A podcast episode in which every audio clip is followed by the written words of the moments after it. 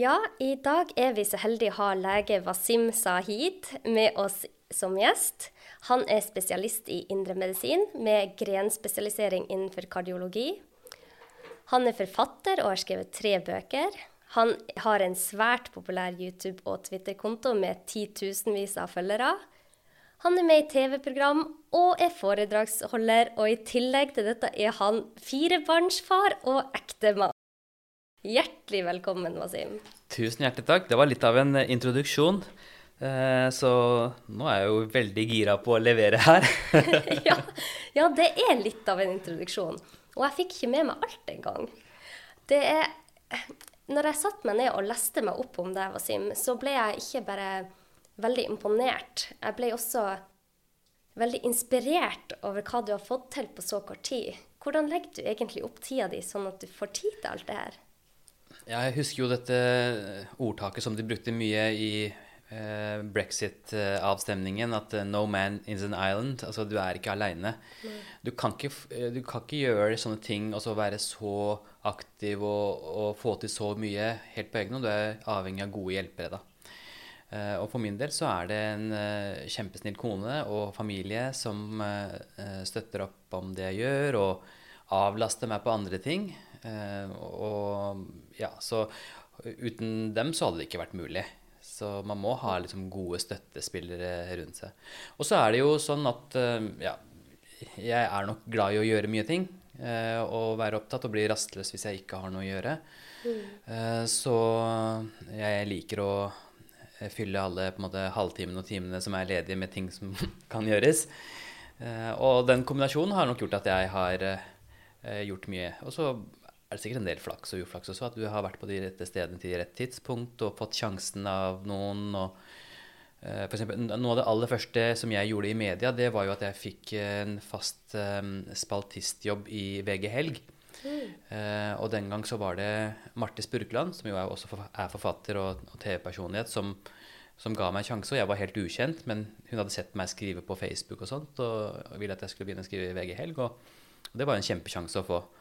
Eh, så ja, litt heldig, litt dyktig, litt medhjelpere, litt arbeidsom. Så er vel det som er oppskriften. Ja, men hva er det som driver deg? Det som driver meg, det er um, Det er nok litt forskjellige ting. Um, jeg tror du må være litt glad i oppmerksomhet. Uh, skal være ærlig og innrømme det. Hvis man uh, vil på en måte ha et navn i offentligheten, mm. så, så må man nok på en måte trives med det. da, At det er fokus på det. Og det gjør jeg. Men det som driver meg mest, det er jeg har tenkt på at hver gang jeg sitter og leser en interessant artikkel eller eh, ser et interessant TV-program eller har lest en bok, den første tanken min er at dette må jeg dele med andre. Sånn er det for meg òg. Er det det? Ja. ok. Ja, liksom, Da vet du hva jeg mener. At jeg, jeg blir sånn her Å, kult! Dette må jo alle vite. Ja, ja. Eh, og det er ikke sikkert alle har lyst til å vite det, men, eh, men jeg tenker at dette må jeg bare dele. Eh, så det er på en måte det derre formidlingsbehovet. ja. Um, og så er jeg bare veldig fan av vitenskap og ja, kunnskap og Jeg er jo helt sånn crazy etter kunnskap. Uh, kona mi har bemerket at hver gang vi sitter og prater om noe, og hvis det er noe som er litt uklart, så må jeg slå det opp med en gang, for jeg må vite det. Så jeg er veldig sånn kunnskapshungrig. Ja. Uh, ja, så det er vel de tingene. Ja, sånn er jeg også. Din, den stakkars familien min, de har jo Jeg har jo holdt- foredrag for de når vi samles i jula og påsken. Så er det I dag skal vi ha foredrag om søvn. Ja, mm. og så er det om mat. Og, så de har jo blitt litt sånn smågærne av det. Så det er bra at jeg har denne podkasten og kan dele det jeg lærer her. Men det var artig å si. Ja, du har jo nettopp gjennomgått covid-19. Mm.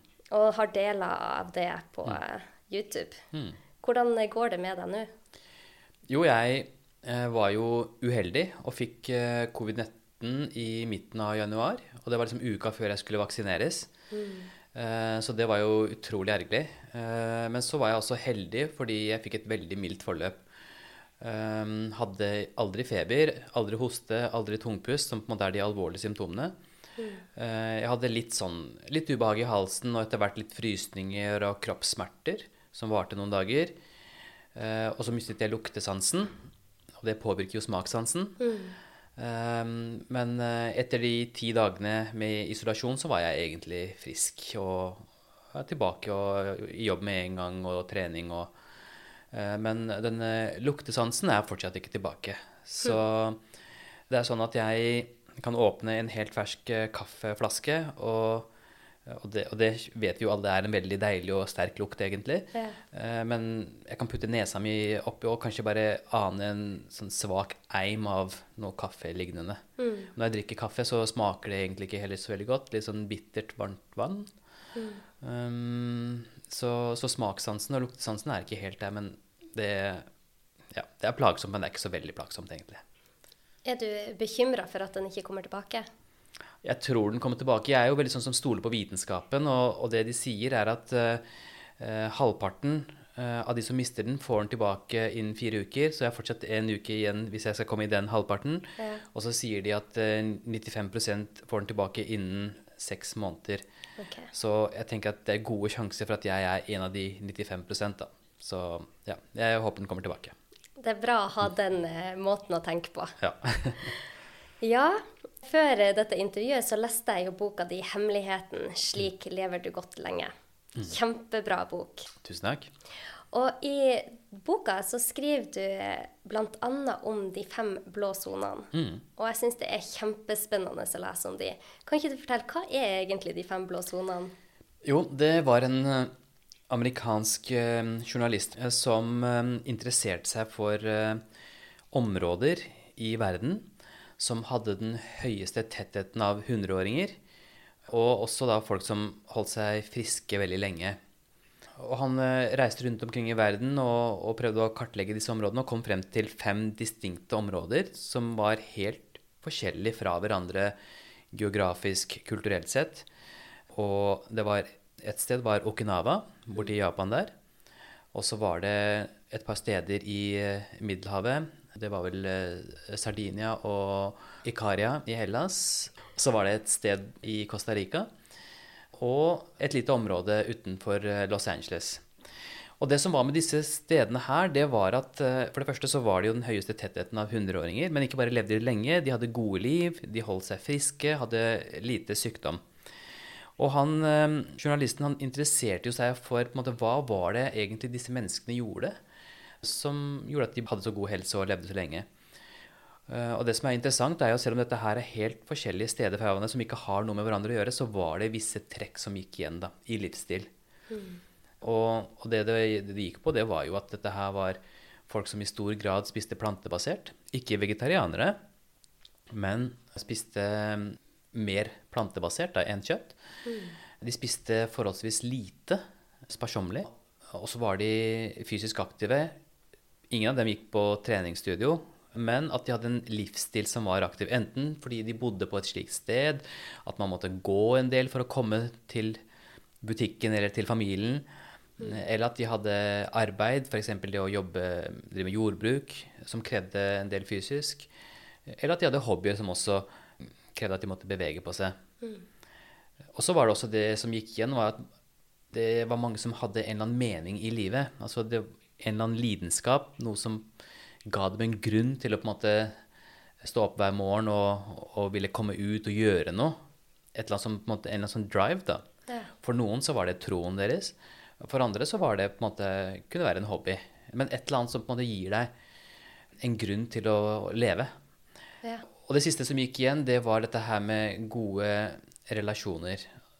Mange av disse bodde i storfamilier, hadde mye folk rundt seg, flere generasjoner mange som samles rundt middagsbordet.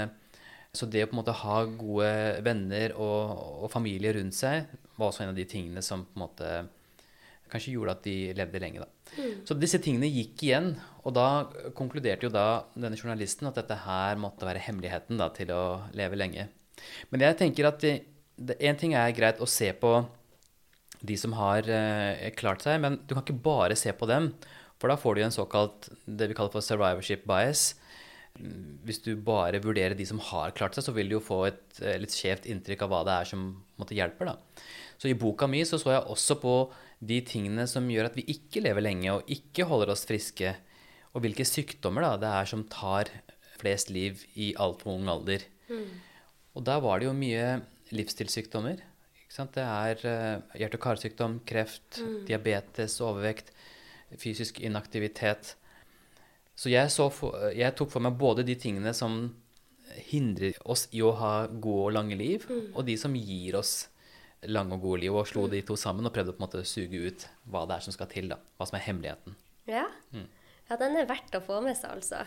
Fikk mange gode tips. Og det jeg syns var litt eh, artig med disse fem blå sonene som du prater om, det var jo at det var jo òg en god del forskjeller, eller ulikheter. Mm. På Sardinia så drakk de mye geitemelk og spiste geitost. I Okinawa så var det søtpotet som var veldig populært. Og i Luma Linda i USA så var de opptatt av eh, å drikke veldig mye vann. Mm. Mm. Og så hadde de den siestaen i Ikaria. Mm. Så det var jo en del forskjeller. Ja. Men de sånn likhetstrekkene, som du sa, de hadde gode relasjoner, de spiste plantebasert. Men de hadde litt animalsk protein i tillegg. Men det var ikke ofte de spiste det. Det var et par dager i uka, eller? Ja, eller til festmåltider, eller en gang i måneden, eller et eller annet sånt. Ja. Også det her med at de hadde ja, en mening for å stå opp. Veldig, det er veldig spennende. Har du inkorporert noen av disse eh, hemmelighetene i anførselstegn som eh, du skrev om? Nei, du vet, det er jo sånn med oss leger at vi sier ofte 'gjør som vi sier, men ikke som vi gjør'. Ja. Eh, og ja, altså jeg, jeg vil jo si at jeg prøver å ha en sunn livsstil. Eh, prøver å trene og, og spise sunt, men eh, jeg går ikke og tenker så veldig mye over at jeg skal liksom At jeg eh, må ha et kosthold som er, består av så og så mye av disse tingene. Altså, det, det flyter litt sånn automatisk, egentlig, tenker jeg.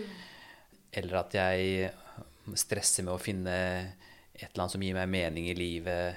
Eh, Jeg har etter hvert på en måte veldig tro på moderasjon og, og den gylne middelveien.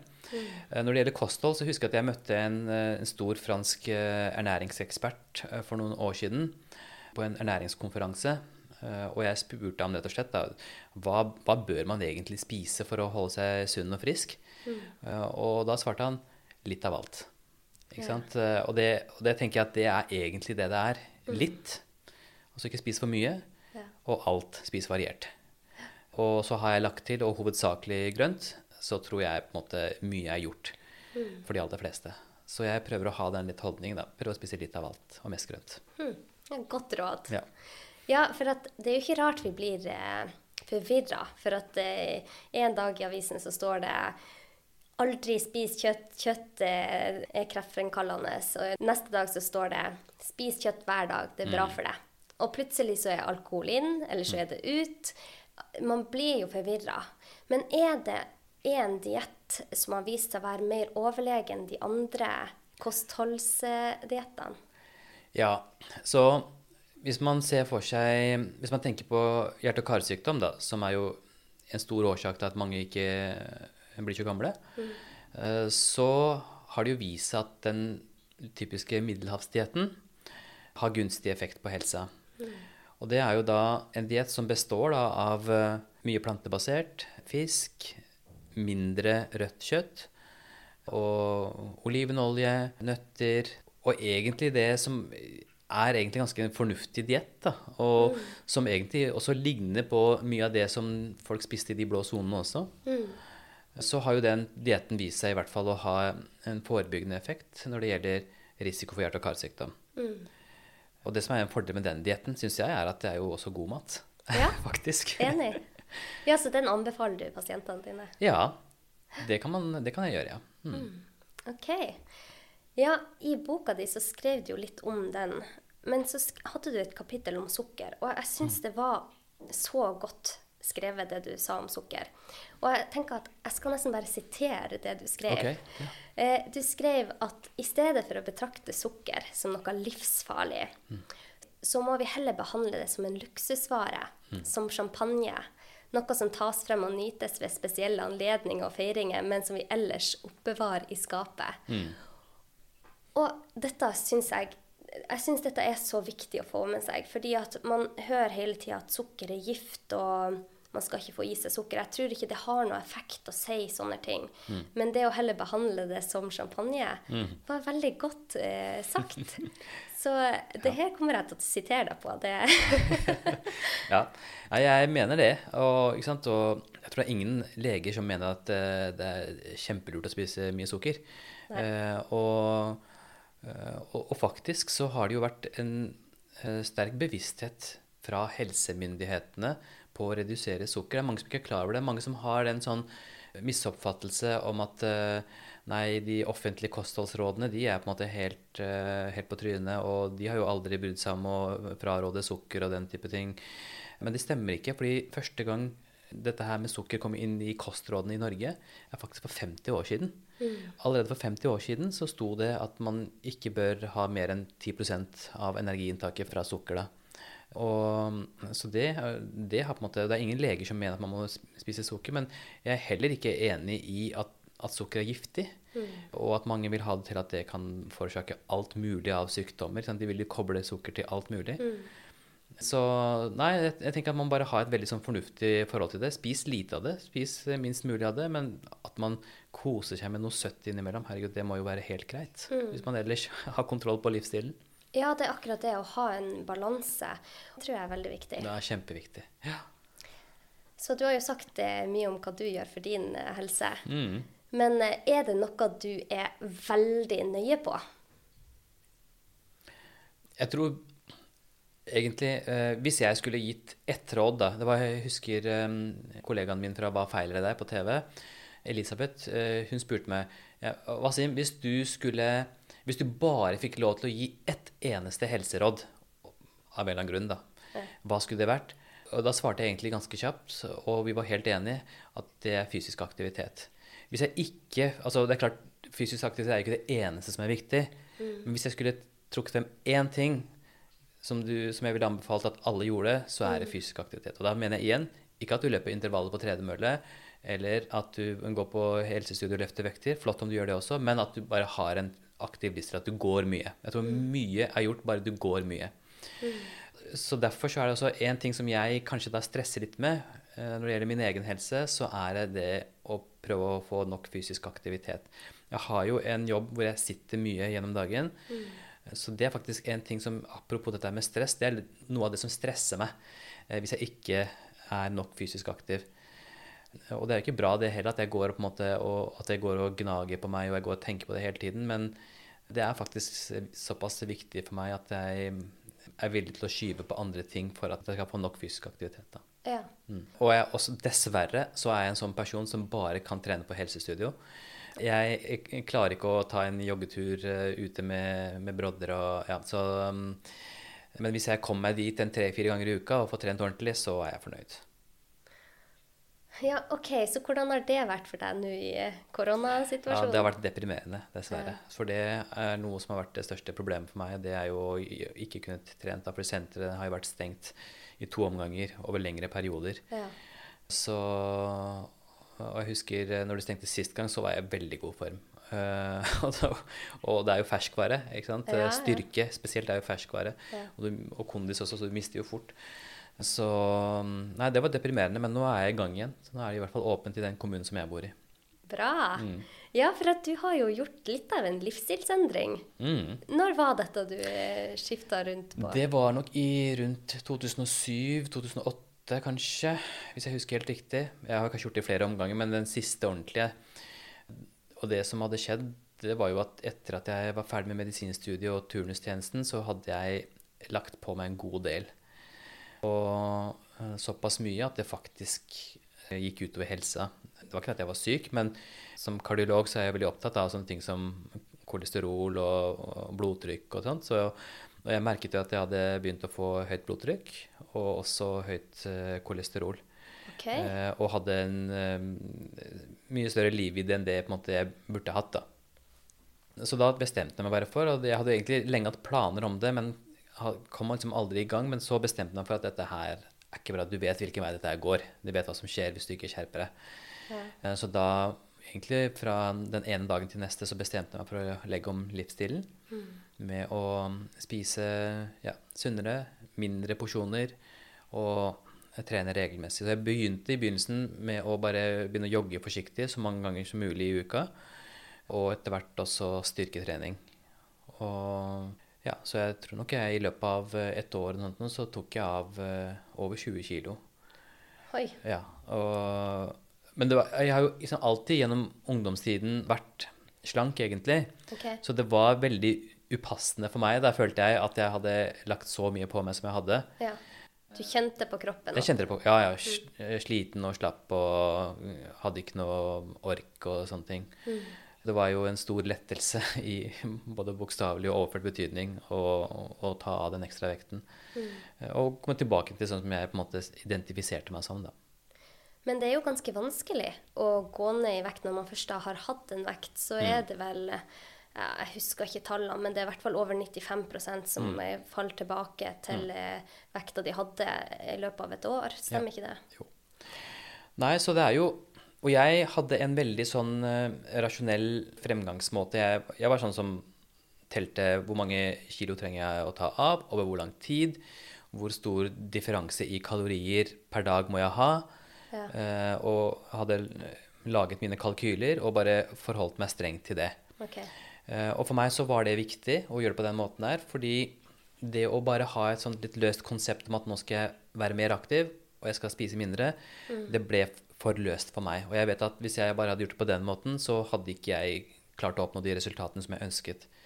Så jeg måtte ha helt klare sånn derre Ok, dette her er antall kalorier, og det høres veldig sånn Og det er ikke sikkert det er riktig for alle, men for meg så ble det viktig at jeg, jeg måtte vite at dette kunne jeg spise. Og når jeg hadde spist det for dagen, så hadde jeg brukt opp min kvote. Og hvis jeg på kvelden var sulten, vel, sorry, da må jeg vente til neste dag med å spise, begynne å spise igjen. Okay. Jeg måtte være såpass streng med meg. Ja. Uh, og jeg tror det er det som er noe av greia også.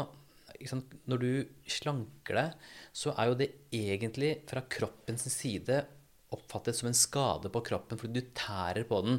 Du stjeler fra den. Mm. Og det vil jo kroppen egentlig ikke. Nei, nei. Så den motarbeider det og prøver å sende deg signaler om at nå må du spise og Se på den smultringen som ligger der, og den må du få i deg. Og, eh, så, eh, og, og, hvis man da lytter til de signalene, så får man jo aldri det kalorigapet man trenger.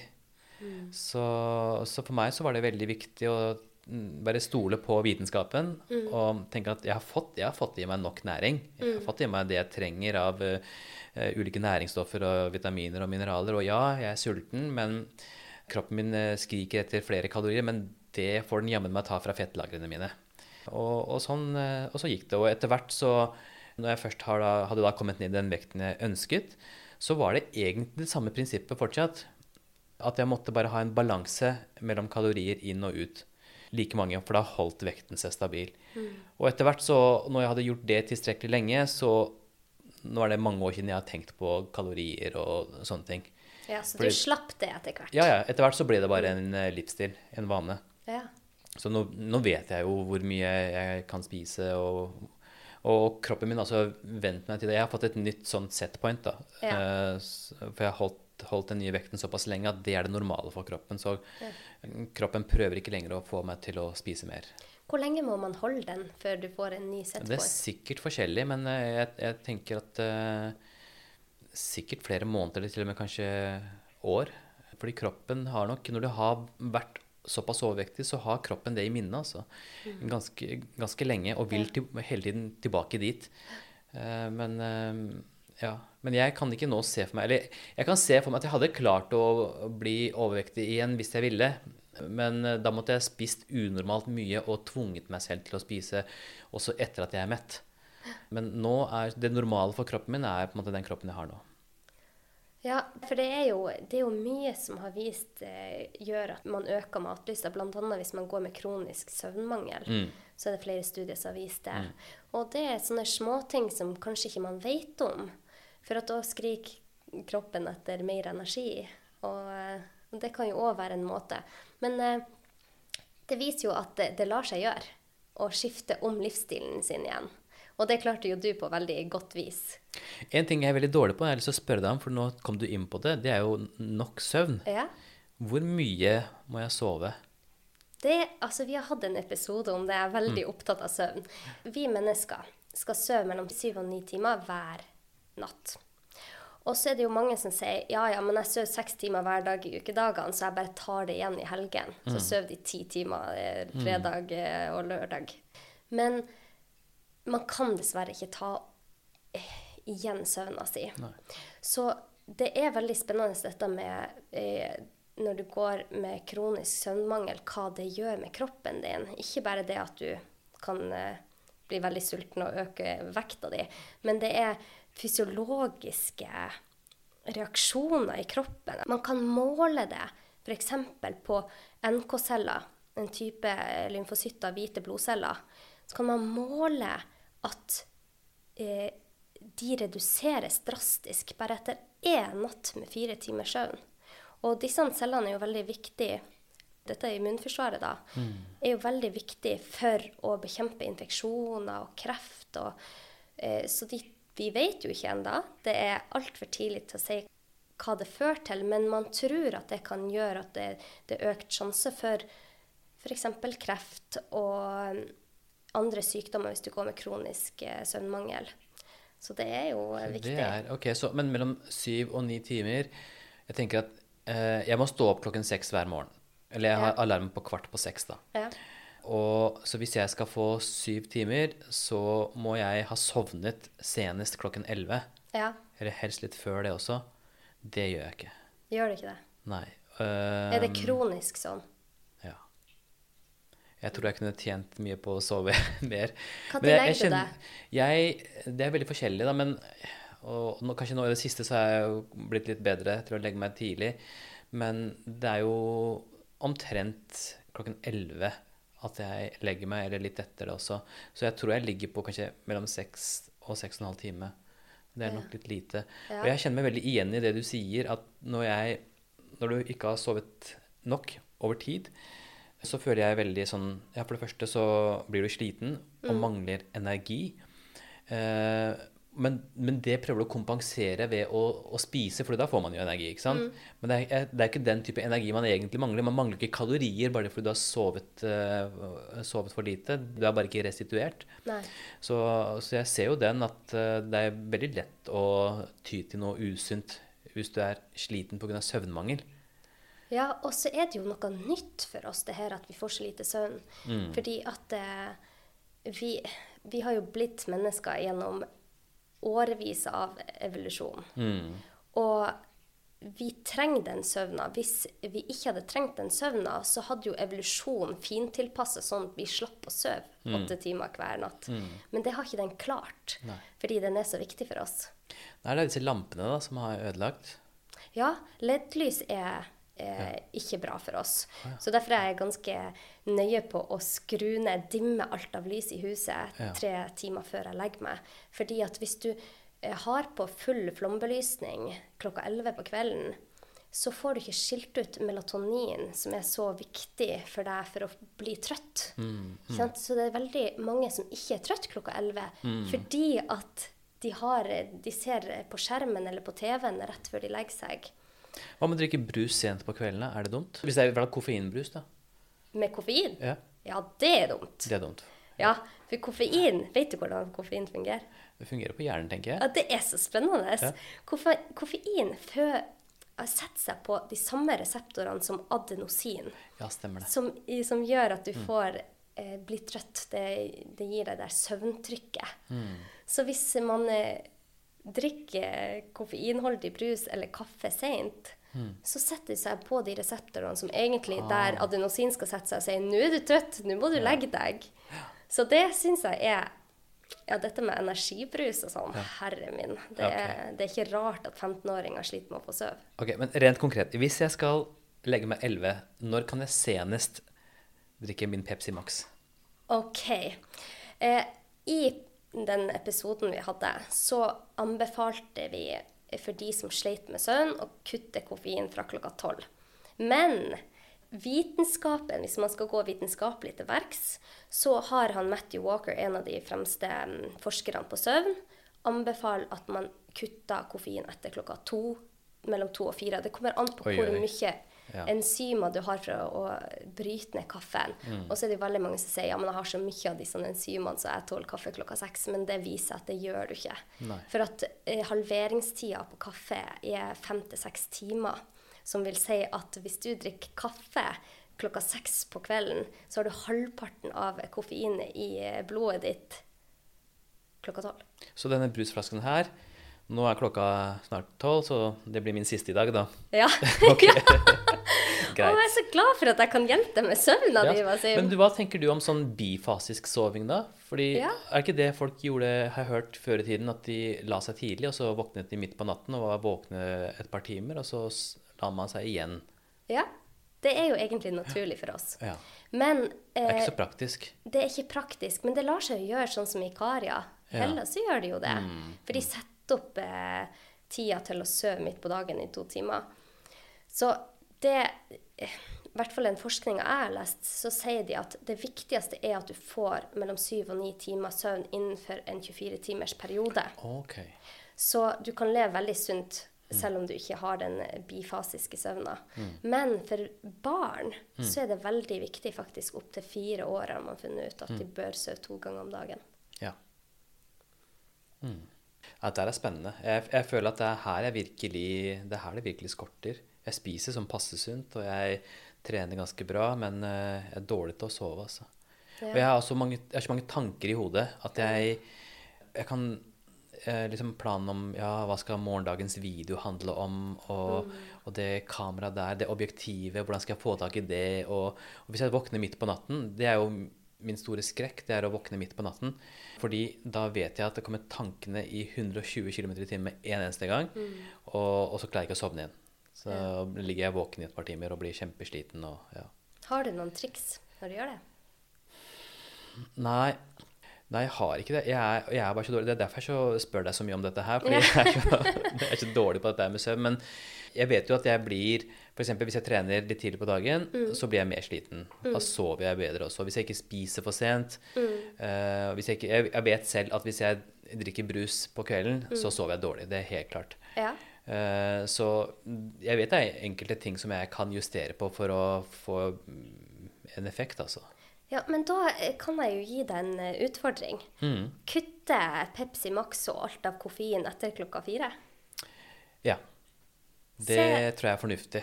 Prøv det i ei uke. Ja. Så skal jeg skrive deg en melding om ei uke og høre hvordan det har gått. Ok, vet du hva, greit. Da har jeg bestemt meg for her og nå at jeg ikke drikker brus fra jeg drar hjem fra jobb. For det blir omtrent fire, ikke sant? Ja, det er omtrent Greit. fint. Kjempebra! Kult. Du, nå tror jeg kona di blir veldig fornøyd med deg. Og kanskje med meg som gir deg Ja, kan godt hende. forslagene. Nei, men dette blir bra. Altså, søvn det er kjempespennende. Så det, kanskje, skal, kanskje vi får til en ny episode. Ja, gjerne det. Kan vi snakke Det om det? vært veldig interessant. Jeg hadde jo eh, I fjor jul så lagde jeg en eh, times powerpoint-presentasjon til eh, hele familien. Hvor jeg eh, satt de på rekke og rad og så sa jeg, nå skal dere se på denne powerpoint-presentasjonen i én time og følge disse rådene. Jeg vet ikke om eh, de tok med seg alt, men i hvert fall litt.